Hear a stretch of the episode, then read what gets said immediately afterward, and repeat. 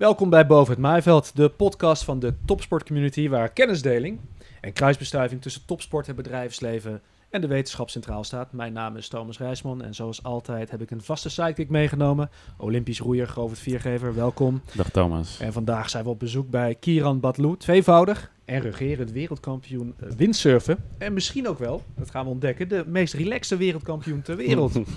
Hij bewijst het, dat je plezier kan maken, mag lachen, relativeren en nog steeds de beste van allemaal kan worden. En dat bewees hij onder meer in de bloedstollend spannende strijd om het enige Nederlandse Olympische ticket windsurfen voor de Spelen van eh, Tokio 2020. In een één op één gevecht met zijn teamgenoot, leermeester en tweevoudig Olympisch kampioen Dorian van Rijsselbergen. Ze werden vrienden voor het leven, hielpen elkaar beter worden, eh, terwijl ze elkaars grootste concurrent waren. En we weten, willen natuurlijk weten, Kieran, hoe dat in godsnaam kan. Bij veel topsporters staat ernst en kadaverdiscipline centraal, maar Batlu staat voor fun en plezier op en naast het water. Is dat de basis van eh, het succes van de Beach Boy uit de Flevopolder? Welke lessen kunnen andere sporten uit jouw carrière trekken? En hoe blijft hij de beste nu de Spelen door corona minimaal een jaar zijn uitgesteld? We hopen antwoord te krijgen op deze en nog veel meer vragen in weer een nieuwe aflevering van Boven het Maaiveld, de podcast van de Topsport Community.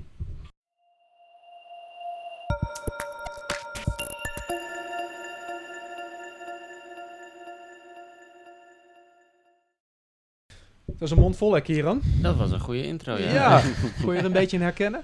Sommige delen wel, zeker, ja. Ja. Dat, eh, je, je wist me goed te beschrijven. Oké, nou dat gaan we straks een beetje uitdiepen. Goof, welkom.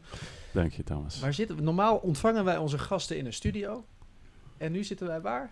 Ja, we zitten in eh, Den Haag en eh, we zitten in de kamer, de, het huis van Kieran.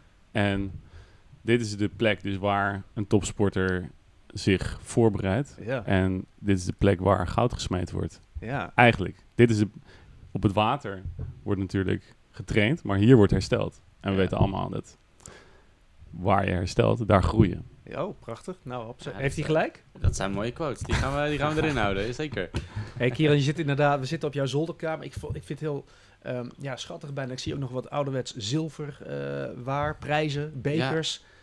Eh, zeker. Wat zijn dat voor prijzen die je daar hebt staan? Dat ze, dat ze een Eh, speciaal plekje hebben gekregen?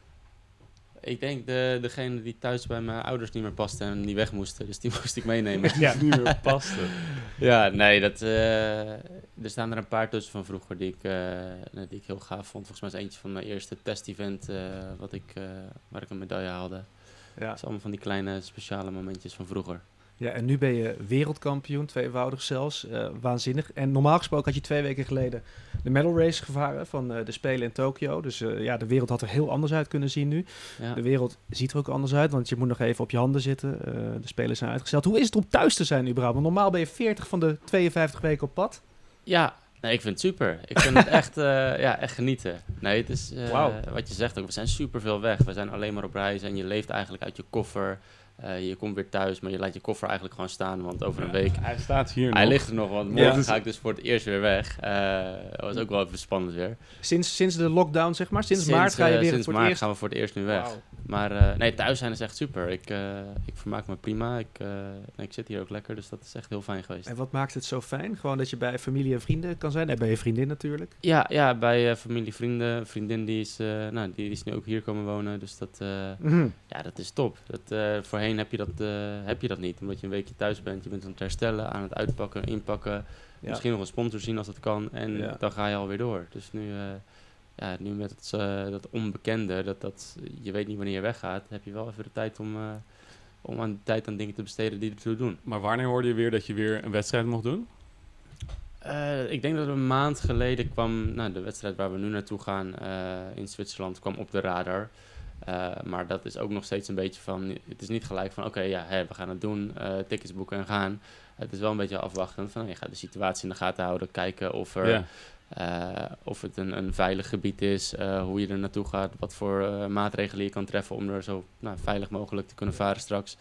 En ik denk dat twee weken geleden hebben we zoiets gehad van oké, we, gaan, eh, we gaan dit doen, we gaan Mhm. hierheen. En eh, nou, vandaag is de dag Ja. aangebroken. En, dat- en wat ga je precies doen? We gaan eh, wedstrijden varen op de foil. En dat houdt in de, de toekomstige Olympische klasse. Dus na de Spelen van, uh, van Tokio gaan we over op nieuw materiaal. Gaan we vliegen als het ware, zweven mhm. boven het water. Uh, en daar hebben we nu een wedstrijd voor. Het eerste EK op de officiële toekomstige Olympische materiaal.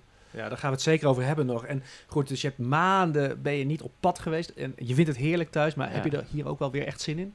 Ja, zeker. Nee, het is iets wat je altijd hebt gedaan omdat je het super leuk vindt. Het is, het is deel geworden van je leven. Dus ja, het feit dat ik wel weer kan reizen is wel, uh, het begint wel te kriebelen op een gegeven moment. En als je dan beseft van oké, ik ga weg, dan heb je wel zoiets van, ja. oh ja, dit is gaaf, dit, uh, dit deden we altijd. en hier, hier doe je het voor. Ja, hier doe je het voor. Die reizen, de, de events die je vaart, de wedstrijden, de spanning die erbij komt kijken. Ik vind dit wel grappig, want je ziet dus die koffer. En dan moet ik echt weer... Ja, het is natuurlijk nog helemaal niet lang dat ik gestopt ben. Maar je ziet die gewoon zo'n koffer. En dan, dan herken ik zo erg wat daar wat daarin zit. Want hij zit voor de helft gevuld met voedingssupplementen. Ja, ik zie bidons, voedingssupplementen. Ja, en dan de andere helft is zijn gadgets, elektrostimulatieapparaten. Uh, ja, ja, Zit er iets tussen wat gewoon mag benoemen? Nee alles, uh, nee, alles, alles illegaal wat erin en dan, en dan nog een paar, nog een paar kledingstukken. Ja, een paar. Dat is eigenlijk echt totaal irrelevant. Een van de koffers is uh, bedoeld voor kleding. De rest is allemaal uh, alle andere randvoorwaarden. Ja. Hey, uh, ja, super dat je weer mag gaan varen, man. Um, iedereen in de aanloop naar de Spelen van Tokio 2020, en dat heb je, die vraag is je vaker gesteld in eerdere interviews. Iedereen dacht wel even, ja, die komt terug met goud. Want ja, als je al twee keer wereldkampioen bent geworden achter elkaar en je hebt de, de beste, de voormalig Olympisch kampioen Dorian van Rijsselbergen daarin verslagen, ja. dan haalt hij hem even op. Dat was wel de verwachting van heel veel mensen, ja. Ja. Hoe, hoe heb je daar zelf altijd, uh, ben je daarmee omgegaan? Ja, ik heb dat een beetje, een beetje losgelaten, weet je. Iedereen heeft uiteindelijk verwachtingen. En ik heb heel lang uh, in de schaduw van, van door kunnen varen en presteren. Dus heel lang is dat niet op me afgekomen. Uh, maar ik heb wel altijd kunnen zien hoe uh, Door met die druk omging. Want ja, hij was uh, Olympisch kampioen en ook favoriet naar Rio toe. En dat ging altijd, nou, lang niet altijd even lekker in die hele voorbereiding. Nee. dus ik heb wel kunnen zien dat er inderdaad van die verwachtingen van buiten komen. En hoe je daar dan een beetje mee om moet gaan. Dat je het vooral lekker los moet laten. En als je je daar echt mee bezig gaat houden, nou, dan, dan stuur je zo van je eigen pad af. Ja. Uh, vooral omdat ja, met het zeilen en windsurfen, het is niet een gegeven van je bent de snelste, dus dat, dat doe je zo weer. Er zijn zoveel variabelen die in zo'n wedstrijdweek uh, ja, naar voren komen. Weet je, ik ga er niet voor, maar ik kan ook laatste worden. Dat zou ook zomaar kunnen. Maar het klinkt, zo, het klinkt zo, ja, zo makkelijk eigenlijk, hè? Lekker loslaten. Ja. Maar dat, ja, dat is een soort containerbegrip, een abstractie. Hoe, maar hoe, hoe deed Dorian dat en hoe doe jij dat inmiddels? Ja, je moet, je moet je heel erg blijven focussen op jezelf. En je moet, uh, ik denk dat het ook een, een kwestie van oefenen is. Uh, door het juist voor, uh, voor jezelf te blijven herhalen. Van ja, dat zijn dingen die mensen op mij leggen. En niet, het heeft niks te maken met mijn eigen doelen en waar ik aan wil werken. En wat ik straks wil neerzetten op die spelen. en zodra je dat centraal zet, dus je eigen gevoel en je eigen prestatie, je eigen doelen. nou, dan, zijn je, nou, dan breng je die heel makkelijk in kaart. En daardoor zijn die vaak misschien wat, komt, uh, wat verschillend met wat mensen je opleggen. En zo kan je die twee een beetje gescheiden houden en dus heel goed loslaten wat nou, de buitenwereld voor druk of voor uh, nou, prestatiedoelen voor je neerzet. Zoals bij mij heel veel mensen denken, die gaat wel even goud ophalen. Ja. Mm -hmm. Nou ja, kijk, dat verwachtingspatroon is er natuurlijk niet zonder reden. Zoals ik net al schetste, je bent twee keer de beste van de wereld geworden. En je hebt Dorian van Rijsselbergen daarin afgetroefd om dat enige, het enige Nederlandse ticket voor uh, Olympische Spelen windsurfen uh, in Tokio. Laten we daar eens even beginnen. Want uh, ja, Goof en ik hebben ons verdiept in, in jou natuurlijk. en in die route van jou naar de Olympische Spelen. En wij zeiden tegen elkaar eigenlijk wauw, dit is wel echt heel bijzonder toch, Goof? Dat gevoel had jij ook? Ja, absoluut. Ik heb dit nog niet eerder van een andere sport, in een andere sport, ook niet in mijn eigen sport zo gezien. Dat je echt compleet, eigenlijk compleet je eigen route bepaalt, hoe je daar naartoe gaat. En dat je dat ook nog eens samen als een soort van vrienden, vrienden uitje doet. En dat je uiteindelijk ook nog, dat het ook nog lukt, weet je. En dat je nog goed uit de, uit de bus komt als vrienden. Ja, ik snap, eerlijk gezegd, ik, ik snap niet hoe dat, hoe dat kan als, als sporter. Uh, dus ik ben echt super benieuwd of we daar hier nu een beetje uit kunnen komen. Ja, nou dan, moet, dan moeten we even, denk ik, teruggaan om dit uh, begrijpelijk te maken voor de mensen die luisteren en kijken naar 2013. Volgens mij is dat een goed begin. Ja, ja 2013 is uh, het jaar geweest dat ik uit de hele jeugdacademie kwam. en voor het eerst op de radar kwam bij Aaron en bij Dorian. Ja, Aaron is de coach van Aaron is de, is de coach inderdaad. Um, als zijnde potentieel talent en misschien iemand die het heel ver zou kunnen stoppen. Ehm, en eigenlijk eind 2013 hebben zij mij uitgenodigd om een keer mee te gaan om te kijken of ik in het, het huidige groepje van Dorian paste en of dat een goede klik was. Ja, jij was 18 toen? Ik was, ja... En je kreeg een Facebook bericht, las ik. ik kreeg een Facebook bericht van Aaron uh, na een van mijn wedstrijden. Well done, mate. En toen had ik zoiets van, oh, hey, hij heeft dus wel in de gaten wat ik aan het doen ben. Uh, en, en, een paar maanden of een paar weken later kwam inderdaad het bericht van... wil je een keer mee, we, gaan, we gaan een tripje doen. In Spanje, hè? In Spanje was dat, ja. Santander, dat was een, ook volgens mij een, een test-event voor, voor een van onze WK's. Uh, dus het was niet een hele grote wedstrijd, maar we hadden er wel een, een, iets uitgebreidere training van gemaakt. Om inderdaad te kijken, nou, pas ik in de hele groep, in de hele setting? Uh, of, of ben ik echt zo'n tegenpol uh, dat ik alles anders wil? Dat het ook het hele ja, groepsverband of het hele dynamiek in de groep ja, opbreekt. Ja. Maar had jij in dat geval zoiets van, oké, ik ga me gewoon 100% aanpassen, want ik krijg deze kan, kans nooit meer. Dus ik ga me schikken naar alles wat zij doen en daar ga ik chill in zijn? Uh, nee, niet eens. Ik, ik had wel het idee van, nou, ik wil echt in, in deze groep komen. Dit is echt zo'n gave kans. Ik, ik wil hiermee meetrainen. Maar eigenlijk al vanaf dag één had ik, had ik door van, nou, ik moet gewoon mezelf zijn. Of ik, eh, als ik juist in die groep wil passen, moet ik mezelf zijn. Ik, ik hoef geen gekke dingen te doen om juist te zorgen dat ik, nou, dat ik er goed in pas of niet. Eigenlijk hetgene wat ik normaal altijd al deed, hoe ik in het leven en in het windsurfen stond paste heel goed bij wat zij aan het doen waren. Dus het voelde heel hmm. natuurlijk voor mij. Ja, oké. dus die groep waar je in kwam was ook wel relaxed. Het was ook wel... Ja, het was super relaxed. Uh... Verraste jou dat, dat het zo relaxed was? Hij was net Olympisch kampioen geworden. Aaron McIntosh, de coach, is ook een, een giga persoonlijkheid in het windsurfen. Heeft echt grote prijzen gewonnen. Verraste jij dat het eigenlijk chill was? Nee, dat niet. Weet je, die, die indruk krijg je altijd al wel als je naar Dorian of uh, nou, in dit geval naar onze groep kijkt. Maar toen ook al uh, was het best wel een, een nou, een aparte clown, een, een, een relaxte gast. Uh, maar wat me wel verbaasde is dat toen we het water op gingen, is er ook heel erg een, een switch geweest. Een, ja. een knop die omgaat. Wow. Ja. Uh, we lopen echt te, te lachen, gieren, brullen. Uh, tot op het moment dat we inderdaad ons pak aantrekken of, of naar het zeil aan het optuigen zijn. En ja. het moment dat het boord in het water gaat, gaat die knop om. En dan is het ook echt een, een killer mentaliteit. En dat zag jij toen eigenlijk voor het eerst dat het zo klik. Ja, dat was voor mij nog was het een, een, een klik die iets langer duurde. Dus ik ging het water op en ik was nog lekker een beetje aan het rondkijken en aan het chillen. En ik, kom wel, ik groei wel in die training zo. Uh, en bij hun was het gelijk om en het was gelijk oorlog. En dat was echt ja, super motiverend. Uh, kun, je dat eens, kun je dat eens beschrijven, hoe dat eruit ziet, die klik? Uh, je moet het zien als... ik weet niet of je dat ooit of je daar een beeld bij kan vormen, maar een start van een winterwedstrijd. Dus mm -hmm. we krijgen vijf minuten van tevoren te horen van... nou, dit wordt het signaal, over vijf minuten ga je starten. We hebben een denkbeeldige lijn. Ja. Um, en daar moeten we dan op, uh, nou, als die afteltimer naar nul is, moeten we er op nul overheen en dan zijn we de wedstrijd begonnen. Um, en zo begon onze training. Dus in die vijf minuten um, waren we nog aan het lanterflanten, aan het klieren. Uh, maar op nul gingen zij starten en startten ze met nou, een volle overgave. Uh, ze waren keihard aan het pompen totdat ze niet meer konden. En ik had zoiets van, oh, we gingen toch gewoon rustig beginnen. het, is de, het is de eerste minuten van een training. ja. Uh, ik, ik, wil even inkomen. Maar dat zat er bij hun niet in. Het was gewoon, uh, nou, de vijf minuten voor de start gingen. Nog lekker kletsen en kleren. Maar starten was ook echt full focus en, uh, ja. en gaan. Ja, ik herken het wel. Dat je dan inderdaad ineens, je ziet de concurrentie, zie je iets doen waarvan je denkt van... hé, hey, dat, zo deed ik het nooit. Maar oké, zij zijn de allerbeste. Ja. Dus holy fuck, dat moet ik misschien maar ook gaan doen. Ja, ja want ik onderbrak je net. Je noemde het heel inspirerend dat je dat zag. Ja, het was inspirerend, maar ook af en toe zoiets van... Oké, een beetje zo'n realisatiemoment van... Ik dacht dat ik wel goed kon windsurfen, maar er is schijnbaar nog, uh, nog een hele weg te gaan. Uh, dus het is inspirerend en tegelijkertijd een besef van... Uh, ik moet wel echt aan de bak, wil ik, wil ik hierbij kunnen blijven. Ja, En was het ergens intimiderend ook?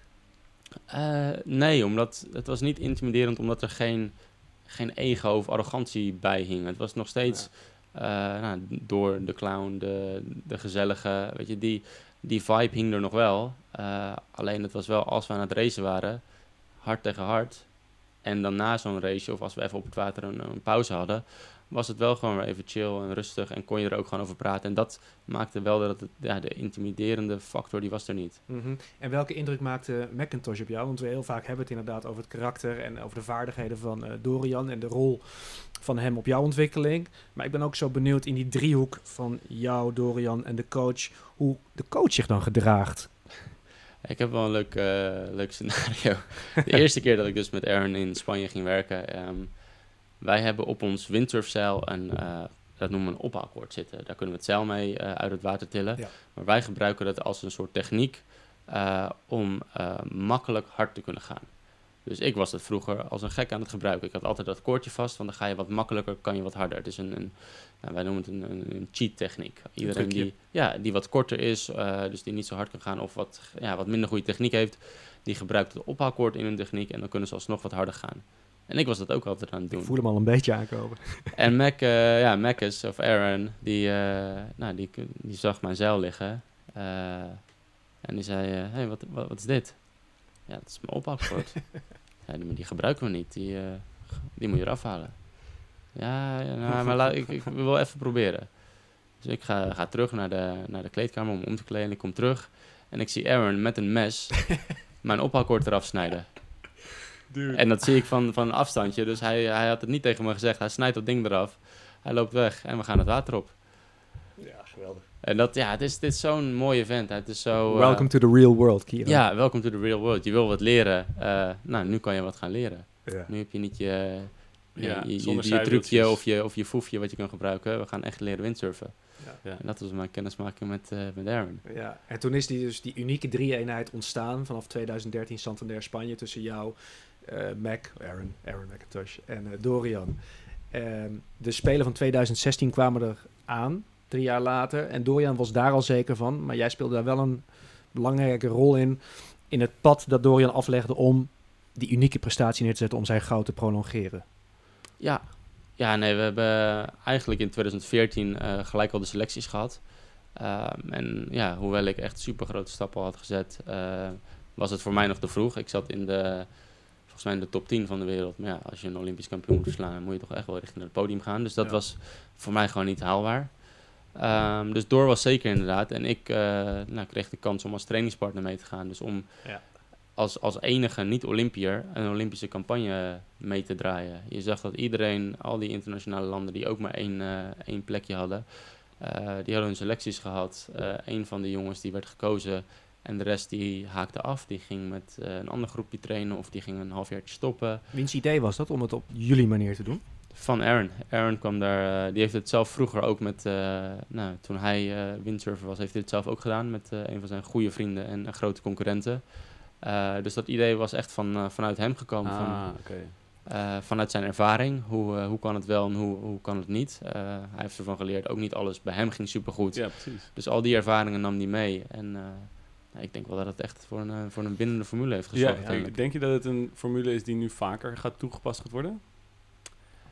Ik denk het wel. Sowieso binnen het windsurfen zie je dat steeds vaker. Uh, nou, nadat wij, uh, nou, als je dan even vast wordt, na Rio, hoe wij met z'n tweeën zo dominant waren, dat is gewoon gezien uh, wereldwijd. dus alle windsurfers die zijn veel meer in hun eigen teams aan het trainen en zijn twee goede jongens aan het opleiden.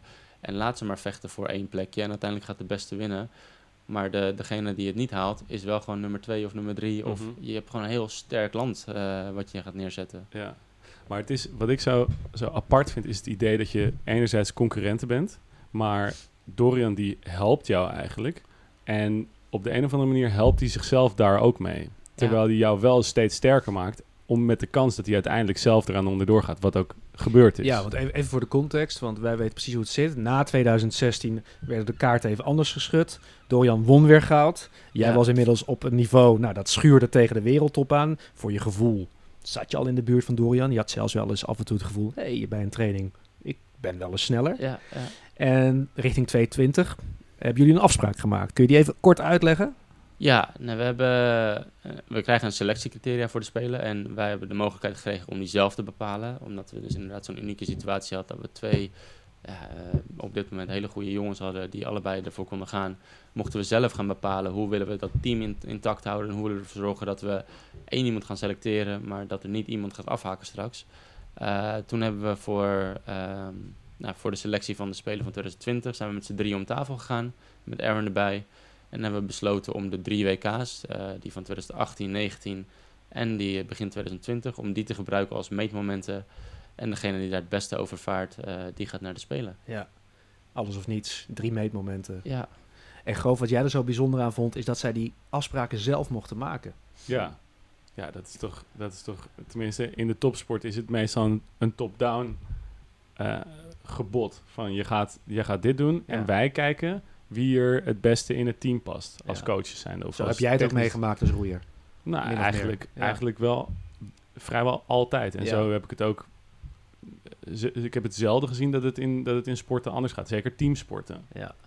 En ervaar jij dat ook zo? Dat dat heel uniek was dat jullie die vrijheid kregen? Jullie? Ja, ja nee, dat, dat ervaren we echt. Uh, dat, dat wisten we. Weet je, het is echt ongekend dat, dat ze naar de sporters gaan en zeggen. Uh, kom maar even met een goed voorstel. ja, uh, als, jullie dat, uh, als jullie dat willen zo en wij keuren dat goed, dan, ja. dan ga je gang. Weet ja, je, het is echt alsof jullie dat rondom een biertje hebben besloten. Van, hey, hoe gaan, we dit, hoe gaan we dit regelen? En dan is het gewoon een soort, ja, hoe doen we dit? best out of three? Oké. Okay. Ja, een beetje steen, papier, schaarachtig. Ja, weer precies. Rock, paper, scissors. Nee, het is, het is wel even iets anders gaan. Weet je, we hebben wel een plan moeten voorstellen en dat het NOC-NSF heeft dat moeten goedkeuren. en er zijn... Um, uh, observers bij geweest om ons tijdens die wedstrijden in de gaten te houden. Dus het was niet helemaal het uh, rock, paper, scissors, doe je ding. Nee. Uh, aan het eind schrijven gewoon op een briefje wie we willen dat gaan. Een bierveeltje. Ja, ja, ja. Nee, dat, we, dat was wel echt een... er zat ook iets meer een systeem achter waar we echt wilden focussen op winnen. Dus het winnen werd beloond waar we um, punten zouden uitreiken voor top 10 plekken op zo'n WK. Uh, maar als je op het podium stond en zelfs als je won, uh, zou je daar bonuspunten voor krijgen. Dus het zou ons echt focussen op niet alleen Dorian verslaan, uh, maar op winnen, omdat je dan die twee extra bonuspunten zou krijgen. Ja. Dus de, er was wel een iets, ja. een iets gecompliceerder systeem dan ja, drie WK's, rock, paper, scissors en we gaan naar de Spelen. Maar wat doet dat met een sporter, een topsporter, dat je een soort zelfbeschikkingsrecht hebt over, over de regels, over hoe je kunt excelleren, hoe je de beste versie van jezelf maakt? Ja, het, is, het is alleen maar super dat wij die mogelijkheid hebben gekregen, omdat we in plaats van een, een selectiecriteria dat je wordt opgelegd, waar je misschien niet helemaal tot je persoonlijke groei kan komen, maar mm -hmm. echt moet focussen op bepaalde events, omdat dat op, ja, deel is van je selectie, konden wij juist heel erg focussen op hoe gaan we ervoor zorgen dat we in Tokio goud gaan halen, ongeacht wie dat is. En daar moeten we dan een selectie bij maken. Uh, dus we ja. konden heel erg ja, onze persoonlijke groei blijven, blijven aanhouden. Zonder dat we verwikkeld zouden raken in een strijd die eigenlijk uh, niet goed was voor beide voor ons. Ja, mm-hmm. nou, dat, dat wil ik wel even uitdiepen straks, samen met Groof. Maar het bijzondere is, jullie hebben het wel heel spannend gemaakt. Want volgens mij, correct me if I'm wrong, zijn jullie op ieder WK 1 en 2 geworden, maar in omgekeerde volgorde. Ja, ja de, het eerste WK heeft doorgewonnen en, uh, en was ik tweede inderdaad. Ja. Uh, toen de tweede was het andersom, had ik hem gewonnen en door daarachter. Ja. Uh, en de laatste, de allesbeslissende, werd echt ook in de laatste race, race. van die week uh, op, nou, op meters, op centimeters werd dat beslist. Ja. Het was echt. en als ik een potje tennis speel, dat is mijn topsport, Kieran, en ik verlies de eerste set, dan begint het al een beetje te, klagen, te knagen. Wat gebeurde er in jouw hoofd toen je het eerste WK niet won van Dorian? Uh, dat was wel een moment van uh, shit, ik sta achter. uh, weet je, dat was altijd, vooral ook omdat ik de hele selectie naar Rio, was het heel duidelijk dat ik, dat ik er niet bij zat, dat ik minder goed was dan door. Nu zat het zo dichtbij, had ik het idee van, nou weet je, dit, wordt, dit worden mijn spelen, ik ga dit gewoon doen. En dan kom je op die eerste selectie aan en dan wint hij weer. En dan denk je wel van, oké, okay, gaat hij het me nou nog een keer afnemen? Mm. Dat, ik heb nu zoveel jaar geïnvesteerd om beter te worden ik ben ook echt wereldtop op dit moment. En dan zit hij weer, zit er één iemand voor me en wie moet het dan net zijn? Ja, door. Heb je, heb je die lang? Oh, ja, jij, jij bent ook lang. Maar ja, precies. Heb, heb je die andere lange weer. Ja. Maar dat wat, wat, wat jij nu net zegt, van dit gaan ze me niet afnemen. Dat is een soort van, dat is een, een andere mindset dan dat je zegt, um, ik, wil, ik wil winnen. Want in die, dat gaan ze me niet afnemen mindset, zeg je eigenlijk al, die plek is van mij. Ja. En die gaan ze me niet afnemen. En dat heb ik ook een keer gehad tijdens een roeiwedstrijd. En ik hoorde later hoorde ik de concurrent die gewonnen had, die zei: They're not going to take this away from me. En toen dacht ik van ja, dat is waarom ze hebben gewonnen. Omdat ze, ze die, die eerste plek is al van hun. En dat, dat hoor ik dan ook. Van ja, je, je had al verwacht dat het, dat het jouw plek is. Ja. En je hoeft het alleen nog maar te doen. Ja, maar dat was dus het lastige. Want ik had dat van, nou weet je, dit wordt mijn moment. En dan zo'n eerste wedstrijd sta je achter, of die verlies je dan. Ook al word je tweede. Uh, nou, supergoed. Maar in dat geval verlies je hem omdat door ervoor zit. Uh, dat was wel ook een, een realisatiemoment voor mij van... Nou, ik ben lekker bezig, het gaat goed, het gaat goed. Maar hey, wat ik nu aan het doen ben is heel goed. Maar het is gewoon niet goed genoeg. Nog steeds niet. Ja, het moet echt nog beter. Ja. En ik merkte voor mezelf heel erg dat daar een knop om is gegaan. En ik, ik vind het ook super raar, want ik kan nog niet echt beschrijven wat dat toen is geweest. Maar sindsdien gaat, uh, gaat er iets anders. Sinds die eer, dat eerste verliesmoment. Ja. ja, ja, sindsdien. Dat is ook de laatste wedstrijd die ik heb verloren. Ja. Uh, eigenlijk alles wat we daarna hebben gevaren, heb ik kunnen winnen. Dus dat was, ja, er is iets, ge, iets omgegaan in mijn hoofd. Uh, waardoor ik dus inderdaad... Uh, en dat heb je proberen te analyseren, maar dat heb je nog niet kunnen concretiseren. Ik heb zo vaak al gekeken van, nou, wat is dat dan geweest? Wat is ja. dat, dat moment geweest? Dat, wat heb ik gezegd? Oeh. Wat heb ik gehoord? Ja. wat is er gebeurd waardoor die knop omging? Maar ik merkte wel aan mezelf dat er iets anders was. Ik ging met andere insteken naar de wedstrijden. Waar ik voorheen ging met de insteek van, ik wil zo goed mogelijk varen. En als ik zo goed mogelijk vaar, zal dat heel goed zijn. Ging ik er nu heen met, ik ga, ik ga winnen. Ik, alles of niets. Weet je, de, met zo'n instelling meer. Ja. Uh, maar, maar waar dat het besef of waar die realisatie is geweest. Het geen, niet een momentopname, maar een proces. Ja, dus dat, dat, uh, dat, dat heeft gezeten tussen. Volgens mij waren wij klaar met dat eerste WK in augustus ergens. En in september, oktober hadden wij een World Cup in Japan. En, en daar was ik inderdaad al met dat. Dit wordt uh, alles of niets, alles, een alles of niets strijd. Ja. Dus ergens in die maand, anderhalve maand, is er iets uh, ja. geklikt. Wat, ja, uh, maar ik denk dat dat is echt een, dat is, dat is onverslaanbaar. Omdat je, zo Dorian die, die kan dat niet gehad hebben. Die kan dat niet gehad hebben, want die heeft het, die heeft het al meegemaakt. Die, ja. die, die kan niet meer zo'n ontzettende gretigheid uh, op het toneel brengen als dat jij hebt op dat moment. Van oké, okay, dit is alles of niets. Ja. Dat heeft, ja, hij, heeft het, hij heeft alles al een keer gehad, weet je. Mm -hmm. Ja, en tegelijkertijd als jij zegt, ik weet niet precies hoe dat is gekomen. Even advocaat van de duivel zou ik ook denken, als ik niet weet hoe het komt, zou ik misschien ook bang zijn dat het misschien gewoon ineens weg is. Mm. ik wil je ja. ja Gelukkig zijn de spelen pas over een jaar en niet over twee weken. volgend jaar over hebben? Oké, okay, skip this one. Oké, okay, next. uh, nee, maar dat zou, ja, dat zou ook zomaar kunnen. Weet je, het is, het is iets wat, uh, nou, wat voor mij heeft geklikt en het is maar de vraag hoe lang dat gaat, uh, gaat duren. Ja. Um, maar ik weet wel wat het is. Ik weet wel de, de instelling waarmee ik nu naar een race ga. Ik weet dat dat voor mij succesvol is. Ja. En die hou ik aan. Ik, weet, ik ga nog steeds naar de Spelen en ik heb niet zoiets van... ik ga mijn best doen en dan kom ik wel ergens uit waar, waar ik hoor te zijn. Ik heb zoiets van, nee, ik wil gaan winnen. En ik, ik ga winnen. Ja. En, en jullie, uh, er is onlangs een documentaire uitgekomen. Je hebt in veel interviews verschenen. Uh, NOS is vaak bij jullie langs geweest, Studio Sport. En elke keer komt die vriendschap die jij met Dorian hebt ontwikkeld uh, gedurende de jaren, komt maximaal tot uitdrukking. en telkens krijg je de vraag, ja, maar dat kan toch niet? Ja. Concurrenten zijn voor dat ene droomticket en dan toch blijven lachen, geinen met elkaar, elkaar het beste gunnen. Ja, ik denk dat er heel veel factoren omheen hangen. Um, en ik denk misschien wel het meest belangrijke is dat Door... die heeft al twee Olympische gouden medailles. Ja. Die is al aan het eind van zijn carrière. En voor hem zou het mooi zijn als hij nog een derde kan doen. Mm -hmm. Maar als dat niet zo is, is dat ook geen probleem. Weet je, zo'n... Uh, nou, in zo'n punt van zijn carrière is hij op dit moment. En voor mij, ik kom echt net kijken. Ik ben nou, super gretig. Ik wil echt heel graag naar die eerste speler voor mij... Ja. Uh, dus, dus daar zit het, het eerste verschil in. Um, plus dat we, ja, wat we voordat het echt een, een selectiestrijd werd hebben opgebouwd, is zo'n sterke vriendschap. Dat het, ja, dat, die vriendschap was er altijd al voordat we concurrenten waren. Mm -hmm. uh, dus, dus dat, mm. ik denk dat we daar ook beide het juiste persoon voor zijn om dat in te zien. Uh, weet je, niet iedereen kan en hoeft dat zo te zien, maar wij zijn heel erg, ja, het feit dat onze vriendschap er eerder was dan een concurrentiestrijd, betekent voor ons ook dat die vriendschap veel belangrijker is dan onze concurrentiestrijd. Ja, je kunt het ook niet altijd zo organiseren dus in de toekomst. Het is ook een samenloop van toevalligheden. Ja, en... het is van toevalligheden, maar vooral van persoonlijkheden. Ja, weet je? Als ik uh, met iemand uh, voor een ticket moet strijden die ik eigenlijk helemaal niet aardig vind, ga ik helemaal geen geforceerde vriendschap forceren, omdat het met Dorian ook werkte. Ja. Dus het moet echt samenvallen. En ik denk dat ja, wat wij hebben is gewoon heel veel geluk gehad bij het feit dat wij twee personen zijn die echt goed met elkaar samengaan. En dat we dat naast het sporten ook heel erg kunnen, ja, kunnen waarderen en naar voren kunnen brengen. Ja. Nou ja, jouw coach heeft uh, uh, gezegd in, in verschillende interviews, heeft hij bijvoorbeeld, bijvoorbeeld gezegd, dit verhaal schrijf je nooit meer. Uh, Jaap Zielhuis, dat is van de Watersportverbond, die, die zei ook, deze samenwerking als grootste concurrenten van elkaar is uniek. Dit is sport zoals het bedoeld is. En jij zei voor het WK, het laatste WK waarin de beslissing is gevallen, we mogen sowieso trots zijn op onszelf.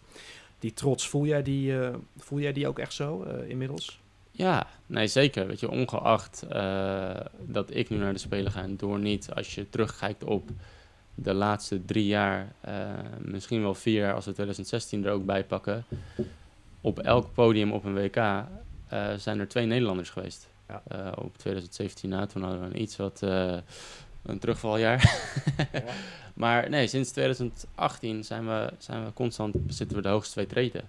Mm -hmm. En dat, dat is ongekend, dat je dat in het windsurfen heeft nog nooit iemand achter elkaar twee, drie wereldkampioenschappen gewonnen. En als wij dat als een land kunnen doen, dat we drie jaar lang één en twee zijn, dat we zo ver boven nou, de rest van de wereld uitstaan, dat is iets wat, wat ongekend is, ongeacht dat we nou moeten vechten voor één plekje voor die Spelen. Ja.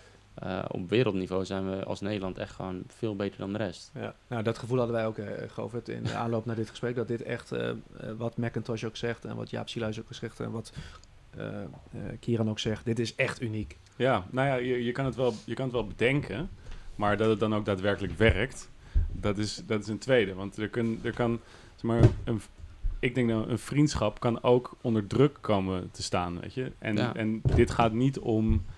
Uh, dit gaat niet om eventjes een, uh, een, een avondje dat je boos op elkaar bent. Dit gaat Nee, het gaat om, om, om je leven. Uh, je, je, je investeert vier, nou niet vier jaar lang, je investeert... Ja, sinds je klein bent. Sinds dat je klein bent, investeer je in zo'n kans.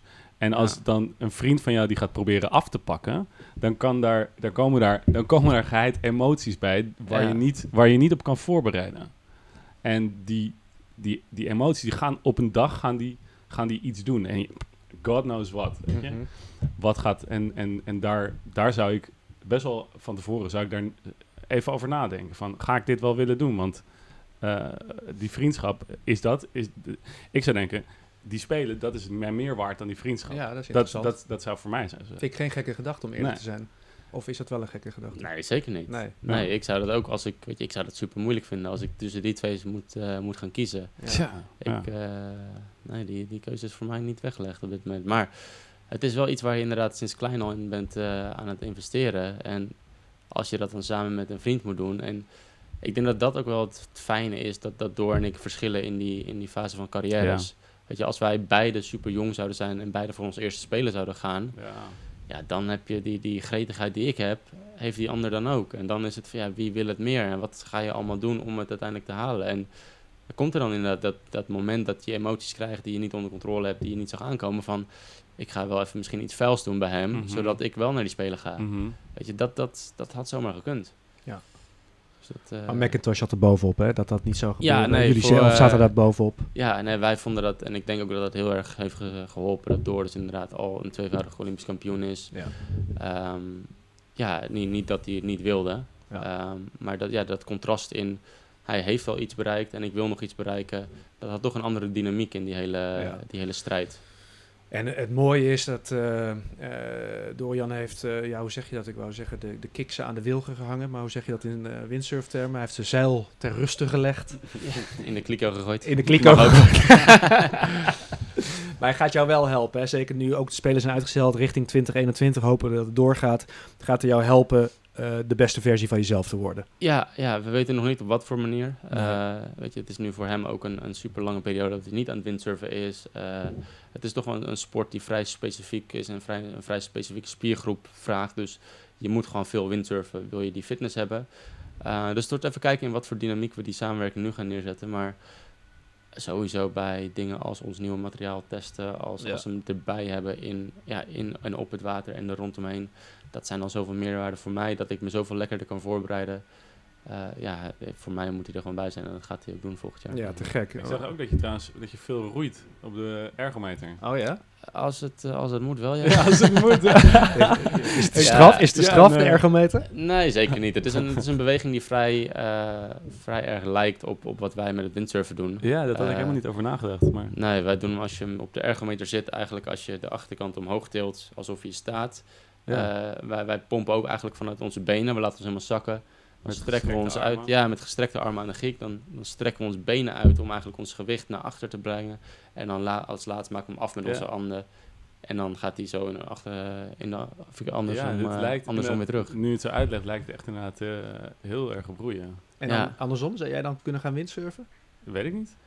Het, het vraagt iets meer eh, balans op je voeten in plaats van zitten in, en, en zo je balans houden. Dus het is, het is iets, weet je, het is heel dynamisch, met, eh, maar dat is roeien ook, maar het is anders dynamisch. Dus wij staan op het boord, het boord beweegt Hmm. en het zeil trekt aan allerlei verschillende richtingen. Dus Ja. het kan zijn dat je een beetje vanuit daar moet trekken of een beetje vanuit daar, dat je naar die kant moet afzetten of naar die kant. Ehm, maar dat, ja, ik denk dat je, als je kan windsurfen, kan je wel heel goed pompen. Dat is zeg maar de, de beweging die we moeten gaan doen. Dat, dat zit dan in je systeem. Dat Dat, pompen, dat zit wel goed. Ja. Dat zit wel goed. Heel goed nou, nog, eh, nou nog windsurfen. ja, precies.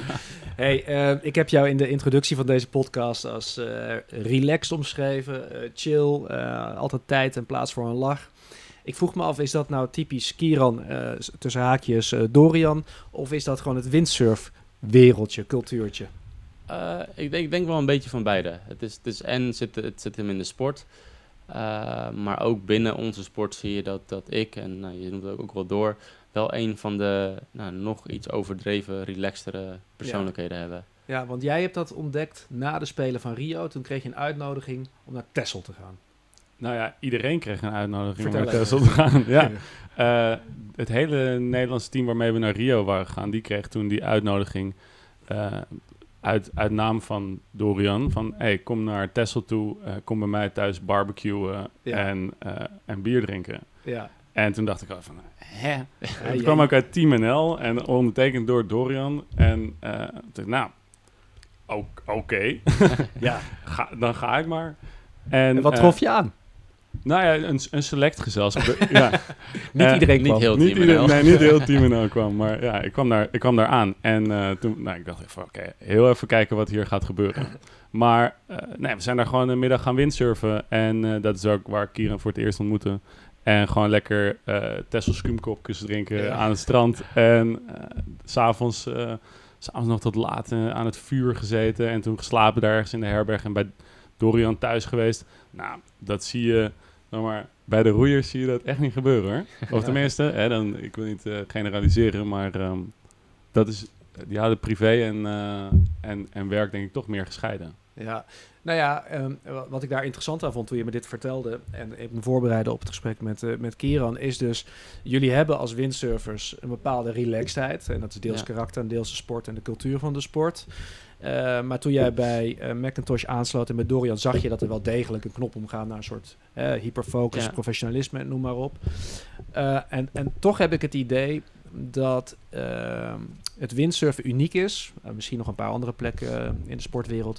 Waarin je dus blijkbaar ontspannen mag en kan zijn. eh, en kan lachen en toch tot een ultieme prestatie kan komen. En ik vind dat interessant ook omdat we steeds meer berichten krijgen van sporten waarin dat heel anders aan toe gaat. Op het, ja. Ja. met, met hele slechte verhalen, bijvoorbeeld uit het turnen en et cetera, et cetera. Dus ik, ik ben samen met Goof eigenlijk wel benieuwd hoe je dus in hoeverre dat een les kan zijn voor andere sporten. Relax zijn en presteren.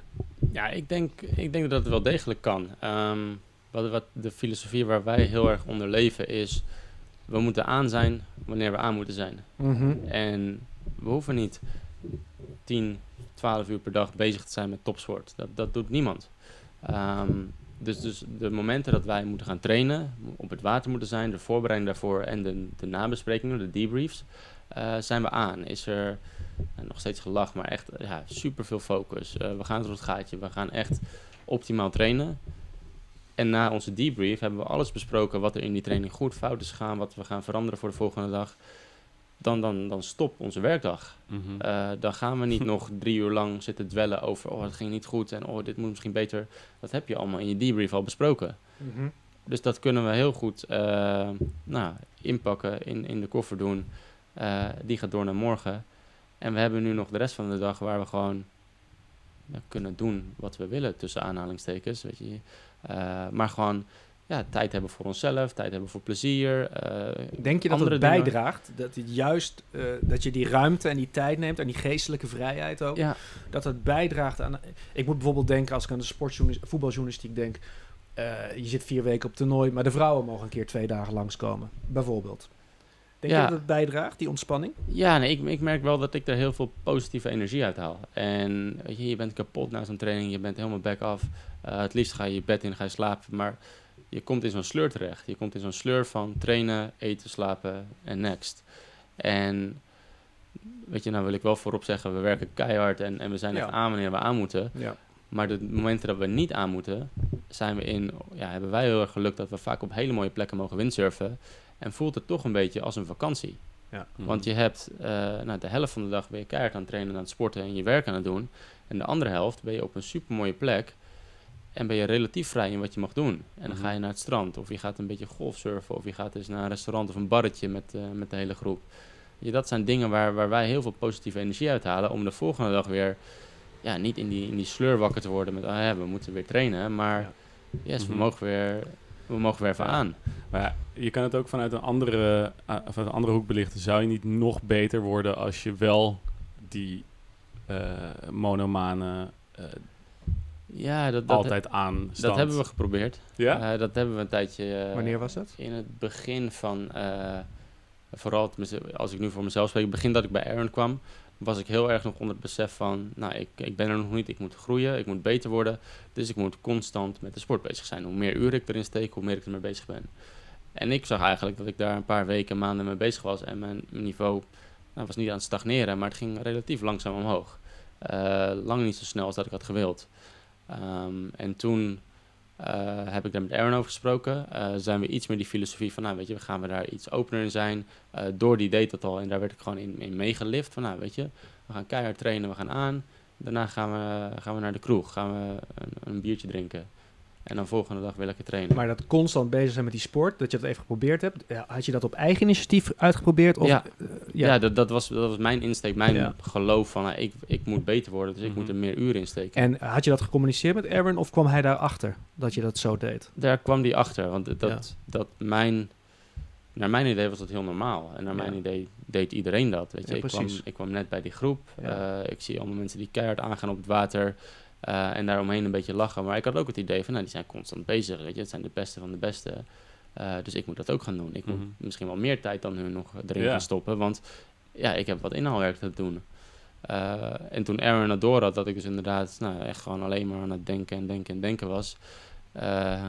nee, was er een moment van, hé hey, jongen, dit, wat je nu aan het doen bent, je bent te veel halve focus erin aan het stoppen. Want je kan niet heel de dag met 100% focus aan je sport bezig zijn. En moest je daarvan overtuigd worden dat dat misschien wel een goede manier was ook? Of, of durfde je dat meteen aan? Ik, ja, ik durfde dat meteen aan. Dat, dat is super eng, maar ik had in Aaron de juiste persoon om, om te vertrouwen. Weet je. Het zijn, ja, ja. Zijn hele track record is, uh, nou, wat hij zelf heeft gedaan als windsurfer is, is legendarisch. Plus wat hij als coach doet uh, met Dorian. Dus dat was voor mij helemaal niet moeilijk om te zeggen wat jij zegt. Dat, daar ben ik het niet mee eens. Dat was wel van... Uh, ja, tuurlijk. Als, ja. Jij dat, als jij dat denkt, heb ik wel zo'n vertrouwen in dat dat... Uh... Maar dan alsnog moet je het zelf wel loslaten. Want je, het, is een, het is een manier van denken waar je ook heel erg in meegenomen kan worden door je, door je persoonlijkheid of door ja. je, door je ja. habits.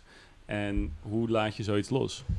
Uh, je, ja, je moet je er echt volledig aan overgeven. En, en je moet openstaan ten eerste om het te willen proberen. En, en dat is heel vaak het eerste punt. Je bent je zegt dat je er open voor staat, maar dat sta je eigenlijk niet. Onbewust ben je ja. toch nog van, nou, wat ik ja, voelt, vertrouwd. Um, maar ik heb gewoon heel erg de juiste overtuiging vanuit Aaron gehad. Uh, en ik denk dat dat vanuit een, een coachingrol heel belangrijk was voor mij. De juiste overtuiging om dus mee te gaan in dat proces. En ik merkte eigenlijk al qua mijn eigen energie, na een paar dagen voelde ik me nog steeds zo topfit en, en energiek als op dag één. Dat had ik voorheen niet. Ik werd echt wel in die, in die hele sleur werd ik gewoon moe van, van de training en dat is heel normaal. Mm -hmm. um, maar nu merkte ik dat ik gewoon heel energiek en fris was nog. En dus dat was voor mij een eerste indicatie van dit, dit is misschien een positief ding. Want ja, ondanks dat ik misschien wel of niet beter van ga groeien, Uh, ik merk dat ik op dag 4 ook gewoon frisse energie heb. Ja, dus je vergeleek hoe je je voelde. Ja, normaal. ja, ja. Je had een soort benchmark. Ja, ik had een benchmark met wat ik altijd al aan het doen was en hoe dat ging. Naar, eh, nou, ik ga nu iets nieuws proberen en dan weet je niet wanneer je eerste meetmoment moet zijn. Eh, voor mij was dat eigenlijk al na een paar dagen het eerste kleine dingetje in hoe, ik, hoe fris ik me voelde. Ja, Eh, dat was een kleine indicatie van, Ja. oh, dat is misschien wel een voordeel voor wat we ja aan het dus doen je zijn. moet wel letten op de signalen. Wel heel goed. Je, je kan het niet... Je kan het niet zomaar even doen. Je, je- ja, je- het is niet een beslissing die je zomaar even neemt. Je gaat wel heel goed na van... Hey, eh, wordt het ook daadwerkelijk beter? Ja, je, moet, je, weet je, je kan er, als, ook al ben je overtuigd dat het werkt, eh, hoeft het nog niet per se te werken. Ja. En je kan er dan in meegaan op blind vertrouwen eh, en zeggen, nou, dit zal wel goed zijn, maar het moet uiteindelijk ook resultaat gaan tonen. Dus je was wel sceptisch. Niet sceptisch, maar ik kwam er wel gelijk al heel snel achter. Oh ja. Dus, dus ik was wel met de overtuiging van, nou, ik, ik ben ervan overtuigd dat dit gaat werken. Dat dit, dit voor mij ook een, een goede tool kan zijn. Ehm, en na een paar dagen werd dat gevoel dus inderdaad bevestigd. En zijn er praktische tips die, je die je, als je nu iemand het aan jou zou vragen van... Hey, hoe, hoe kan je dat doen? Hoe moet je dat nou doen? Ehm, dat is een lastige. Je moet, je moet het heel erg leren loslaten. En binnen de sport is het heel erg... ehm, wij zien de debrief heel erg als een afsluiting van de dag. Dus Bijna een eh, ritueel. ja, bijna een ritueel van... Nou, je gaat die debrief in, je bespreekt de dag... En dat is einde van de dag. En als Mm. dat om eh 11 uur is omdat we 's ochtends gevaren en getraind hebben... of omdat het nou om 4 uur is omdat we heel de dag twee sessies hebben gedaan of wat dan ook... eh, de debrief is einde sportdag.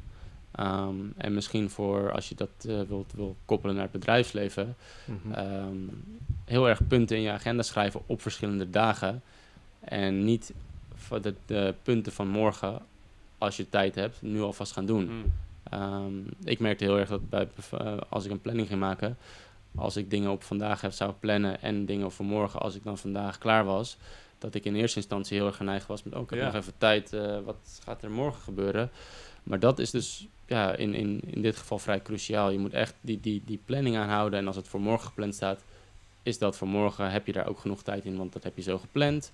Dus ja, hou daar echt die balans in, dat je ook inderdaad echt zegt van, nou, dit zijn de dingen die ik vandaag ga doen, daarna is het klaar. Mhm. Mooi. Dat is hoe je topsport beleeft, eigenlijk uitgesmeerd over de hele week, maand, jaar. Maar je hebt natuurlijk ook hoe je topsport beleeft naar de wedstrijd toe. Eh, ik weet van Grover bijvoorbeeld dat jij in je juniorentijd, en dat sluit een beetje aan op wat eh, Kieran net zegt, dat jij in je voorbereiding op een wedstrijd jezelf heel erg aan het oppompen was. Ja. Serieus. Ja. Eh, ik moet er klaar voor zijn, ik moet winnen. En dat je daar ook langzamerhand achter kwam dat je dat ook niet helemaal de manier was voor jou. Ja, nou ja, dat zie je anderen doen. Die zie je eh, muziek luisteren, harde muziek en, eh, en, en zichzelf oppompen. Of teams die elkaar... Een hele je- serieuze benadering. Ja, serieuze benaderingen. Bijna, bijna boos. Van, oh, Ja. eh, ik, ik ga ze kapot maken, weet je. Ja. Echt de Amerikaanse manier die je in films ziet. In de kleedkamers. Dus ik dacht van, oké, nou, dan, dat heb ik altijd gezien op tv, weet ik veel wat. En dan ga je dat ook proberen te kopiëren. Ja. En zeg maar zo erg dat ik gewoon in, in de... Ik weet nog dat ik, dat ik naar, de, naar de start toe roei. En dat ik op een gegeven moment over mijn nek ging, omdat ik zo fucking zenuwachtig was. Ja. Eh, en dat, dat je, je, je bent gewoon helemaal, helemaal strak, helemaal trillende handjes. Ja. Totdat ik op een gegeven moment eh, een keertje klassieke muziek ging luisteren. En eh, wat ademhalingsoefeningen had gedaan voor een race. En toen voelde ik me eigenlijk veel chiller. En toen had ik ook nog goed resultaat. Dus ik moest juist mezelf heel erg tot rust brengen voor een, voor een wedstrijd. En eh, wat ik daar interessant aan vind, is dat ik, naar mijn gevoel, jij een beetje het omgekeerde had. Als ik eh, uitspraken van je, van je ouders heb eh, beluisterd, die zeggen van, nou, je vergeet wel eens een ticket te boeken of naar, het schip, naar de luchthaven te gaan. Eh nou ja, er zijn nog meer voorbeelden. Dat jij soms wel eens het gevoel, eh, vanuit je karakter en wie je bent, jezelf moest dwingen om aan te gaan. Ja, Klopt dat? Ja, ja, zeker als je inderdaad teruggaat naar dat begin, eh, die beginperiode 2013. Eh, was ik heel erg de, de, de chillstand en die, die knop omzetten duurde gewoon wat langer. Mijn knop had vertraging. Eh, dus inderdaad, ja, je zet je knop om, maar het vliegtuig gaat nu al. Of, eh, of je hebt je ticket niet eens geboekt. Of de start is en je staat op de kant op je horloge te kijken van hoe laat gingen we eigenlijk? Oh ja, al die jongens gaan nu over de startlijn. Ja. Ja, dat soort tafereelen zijn, die zijn vroeger heel veel voorgekomen door misschien mijn ja, toch wel relaxte karakter en daar iets in doorslaan. Ehm, dus ik heb zeker die, de groei moeten maken om daar iets meer focus in te krijgen, iets meer ja, in het hier en nu leven van we zijn bij die wedstrijd, we gaan Ja. de wedstrijd varen. Ja, je hebt gezegd, soms moet ik het een beetje triggeren om spanning op te wekken. Het kan natuurlijk ook een valkuil zijn. En je hebt daar wel maniertjes voor gevonden. Is er een maniertje die je kunt delen met ons, hoe je dat dan doet? Eh, ja, ik merk dat als ik eh, door, door voor de startlijn te liggen bijvoorbeeld eh, een paar Wim Hof, eh, de Iceman ademhalingsmethode doe. Ja. Eh, eh, maar echt juist om, om een soort heel veel zuurstof op te nemen op, op, op, een korte, over een korte periode. Dat werkt voor mij echt als een trigger van Ja. als ik bij dat ademen bezig ben, gaat mijn hartslag omhoog, begin ik te leven, dan wordt het echt van, oké, we zijn nu bezig, weet je, nu gaat het beginnen. En dat Ja. is voor mij een hele goede trigger geweest om, om aan te gaan. Want hij, met die, in die ademhalingstechnieken wordt ook je eh adrenalineniveau wordt met, met, in, die, in die onderzoeken werd met 700% verhoogd. Schiet omhoog. Ja, Ja. dat schiet omhoog. Dus eh, je krijgt ook daadwerkelijk het gevoel alsof je dus voor een wedstrijd bent, omdat je, Ja. dan maak je ook adrenaline aan. Ja. Dus dat is inderdaad een, eh, een, een hele coole truc om dat niveau van focus omhoog te krijgen. Ja. Prachtig toch, hè? Zo'n heel proces wat je eigenlijk doormaakt als topsporter. Je leert jezelf Ja. ook zo ontzettend goed kennen. Zeker, ja. Ja.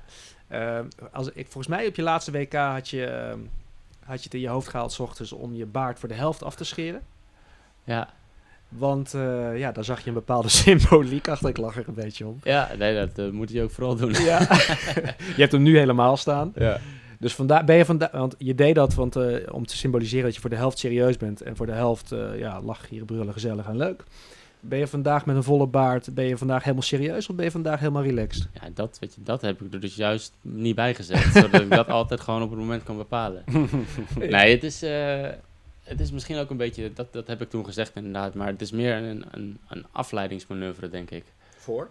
voor iedereen om mij heen op de start. Dus ik, eh, over de laatste paar jaren hebben we het altijd in ons hoofd gehad om iets geks te doen qua uiterlijk. En dat komt meestal aan op of je haar of je gezichtshaar. Ja. Ehm, want dat is hetgene wat je ziet als je op zo'n startlijn ligt en je kijkt naar iemand. Ja. Ehm, hoe, hoe raarder ik eruit zie op zo'n startlijn, hoe minder serieus mensen mij nemen. Mhm. Eh, als ik naast je ligt en we zijn aan het strijden voor goud en ik zie eruit als een clown, dan kan je niet denken van hij gaat, voor mij, hij gaat van mij winnen. Mhm. En, en dat is een beetje hoe het, eh, hoe het begonnen is. Van ja, we gaan iets geks doen, we gaan er iets raars doen, omdat we de focus van andere mensen weghalen bij de wedstrijd en naar ons brengen. Maar wij, ondanks Ja. dat we er heel gek uitzien, zijn we wel nog eens gefocust en Precies. gaan, we gewoon, eh, gaan wij wel voor de winst. Allemaal trucjes toch? Allemaal trucjes, allemaal ja. Wat ik zo razend interessant vind, want eh, we zitten bijna op het einde van de podcast. Wat ik zo razend interessant vind aan windsurfen, is alles wat je leest, is dat er zijn zoveel variabelen die invloed hebben op jouw prestatie. De wind, de stroming, de temperatuur. Nou, jij, jij Ja. kunt er nog veel meer op noemen. Ehm, dat, dat de windsurfers bijna zeggen, ja, winnen of verliezen, je hebt het niet helemaal zelf in de hand. Eh, of, ja, ja, ik bedoel, ja. En toch flik jij het om twee keer achter elkaar wereldkampioen te, te, te worden. Ja, dat betekent dat jij die ene variabele of die paar die je wel in de hand hebt, die heb je wel verdomd strak in de hand. Ja, nee, dat, weet je, dat is de hele truc, om zoveel mogelijk variabelen te begrijpen Ja, En eh, wat je onder controle kan hebben, nou, dat moet je zo goed mogelijk onder controle hebben. Maar ja, je moet die variabelen begrijpen en kijken of je ze zo goed mogelijk in jouw voordeel kan benutten. En ja, sommige mensen kunnen zeggen van, oh, het is een, eh, het is een loterij of je hebt het nooit in de hand. Eh, ik zie het meer als, ik ben heel goed in al die variabelen het beste gebruiken. Ja. En daar ben ik misschien wel beter in dan, dan de rest. ja. Nou, ik wil eh, namens mezelf in ieder geval zeggen dat ik het ontzettend leuk vond om naar je te luisteren. Want het is echt heel inspirerend eh, op veel manieren hoe je in je sport staat, hoe je in het leven staat en hoe je dat kunt combineren en het beste uit jezelf te halen. Ik denk dat, ja, dat jij dat ook wel hebt geloof. Oh, zeker. Ja, ja, nou ja het, is een, het is een andere manier van, eh, van topsport beleven. En dus ook eigenlijk van het leven beleven. Ja. Ja, en je zou de indruk kunnen krijgen van als je naar Dorian kijkt en eh, nu naar jou, Kieran, van nou dat komt ze, eh, Aanwaaien. ver- vergeef me voor het woordgrapje, aanwaaien. Maar daar zit een, een, een, enorm lang leerproces achter en heel veel tijd en moeite en alertheid en, ehm, en- en denkkracht achter. Dus ik hoop voor jou dat de Spelen volgend jaar doorgaan. We moeten nog een jaartje wachten. Heel veel succes in de voorbereiding. Eh, ja, die tas, die staat er nog steeds. Gaat er nog iets bij? Die, die, Ja. die, die tas die morgen te- de auto in gaat? een, een tandenborstel moet ik niet vergeten. Dat is iets, eh, die laat je heel snel achter, maar die, die ga ik er zo voorbij leggen. Heel goed. Dankjewel voor het gesprek en alle Yes, kijkers en luisteraars van Boven het Maaiveld, de podcast van de Topsport Community, eh, zou ik willen vragen. eh, laat een comment achter, abonneer je op alle luisterkanalen, dat is goed voor het bereik. En hou ons goed in de gaten, want er komen nog veel meer toppers uit de wetenschap, het bedrijfsleven en de, en de sport hier bij ons aan tafel. Kieran, nogmaals, dankjewel en succes. Yes, dankjewel.